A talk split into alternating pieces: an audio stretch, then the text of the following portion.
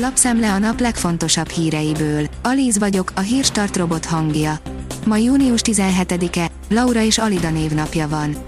A 24.hu írja, Jakab Péter arculatot váltott.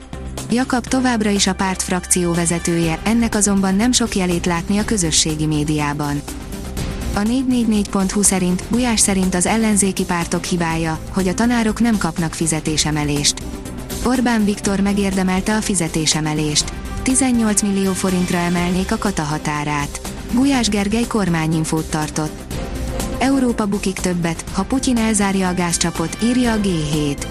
Pár évig a Gazpromnak még nagyon erős zsarolási potenciálja van, ha leáll a gázszállítás, a német gazdaság akár 7%-kal is visszaeshet. Lavrov, Magyarország támogatja az ukrajnai magyarokat. Magyarországot dicsérte Szergej Lavrov orosz külügyminiszter az Ukrajnában élő honfitársaink támogatása miatt, írja a Hír TV. A vg.hu oldalon olvasható, hogy leállt a francia gázszállítást, nem kapnak többé Németország felől. A francia szolgáltató ezt azzal magyarázza, hogy Oroszországból már alig érkezik szénhidrogén. Az m4sport.hu kérdezi, a Mercedes és a Ferrari lehet a vesztese az FIA szigorításának. Intézkedett az FIA az idei autók pattogása ellen. Miért más a megközelítés, mint azt elsőre gondolhattuk? Miről szól az új szabályozás, hogyan működik a gyakorlatban? Milyen következménye lehet a szabályszegésnek, és milyen hatásai lehetnek az intézkedéseknek az erőviszonyokra? Összeszedtük, amit tudni lehet.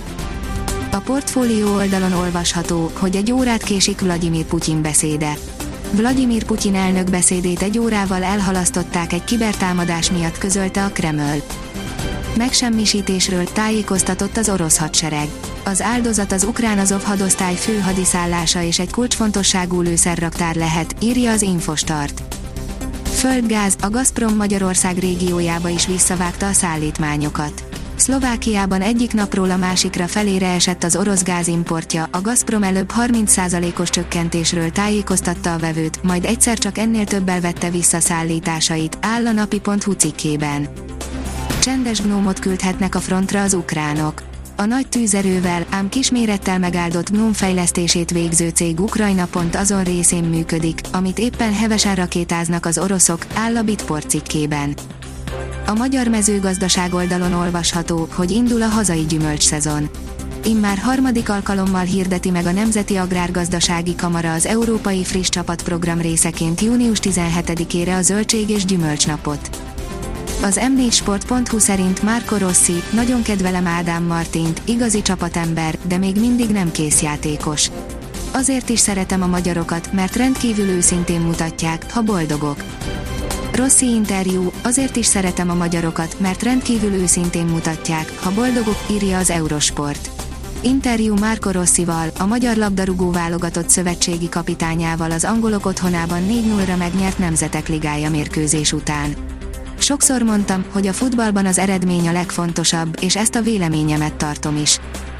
A kiderül oldalon olvasható, hogy hétfőn már 35 fok is lehet.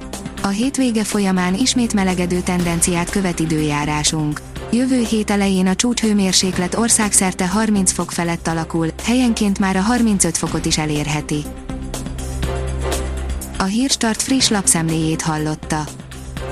Ha még több hírt szeretne hallani, kérjük, látogassa meg a podcast.hírstart.hu oldalunkat, vagy keressen minket a Spotify csatornánkon. Az elhangzott hírek teljes terjedelemben elérhetőek weboldalunkon is. Ha weboldalunkon hallgat minket, az egyel korábbi adás lejátszása automatikusan elindul. Beállíthatja, hogy az összes korábbi adás, vagy csak az aktuális tematika hírei következzenek. Köszönjük, hogy minket hallgatott!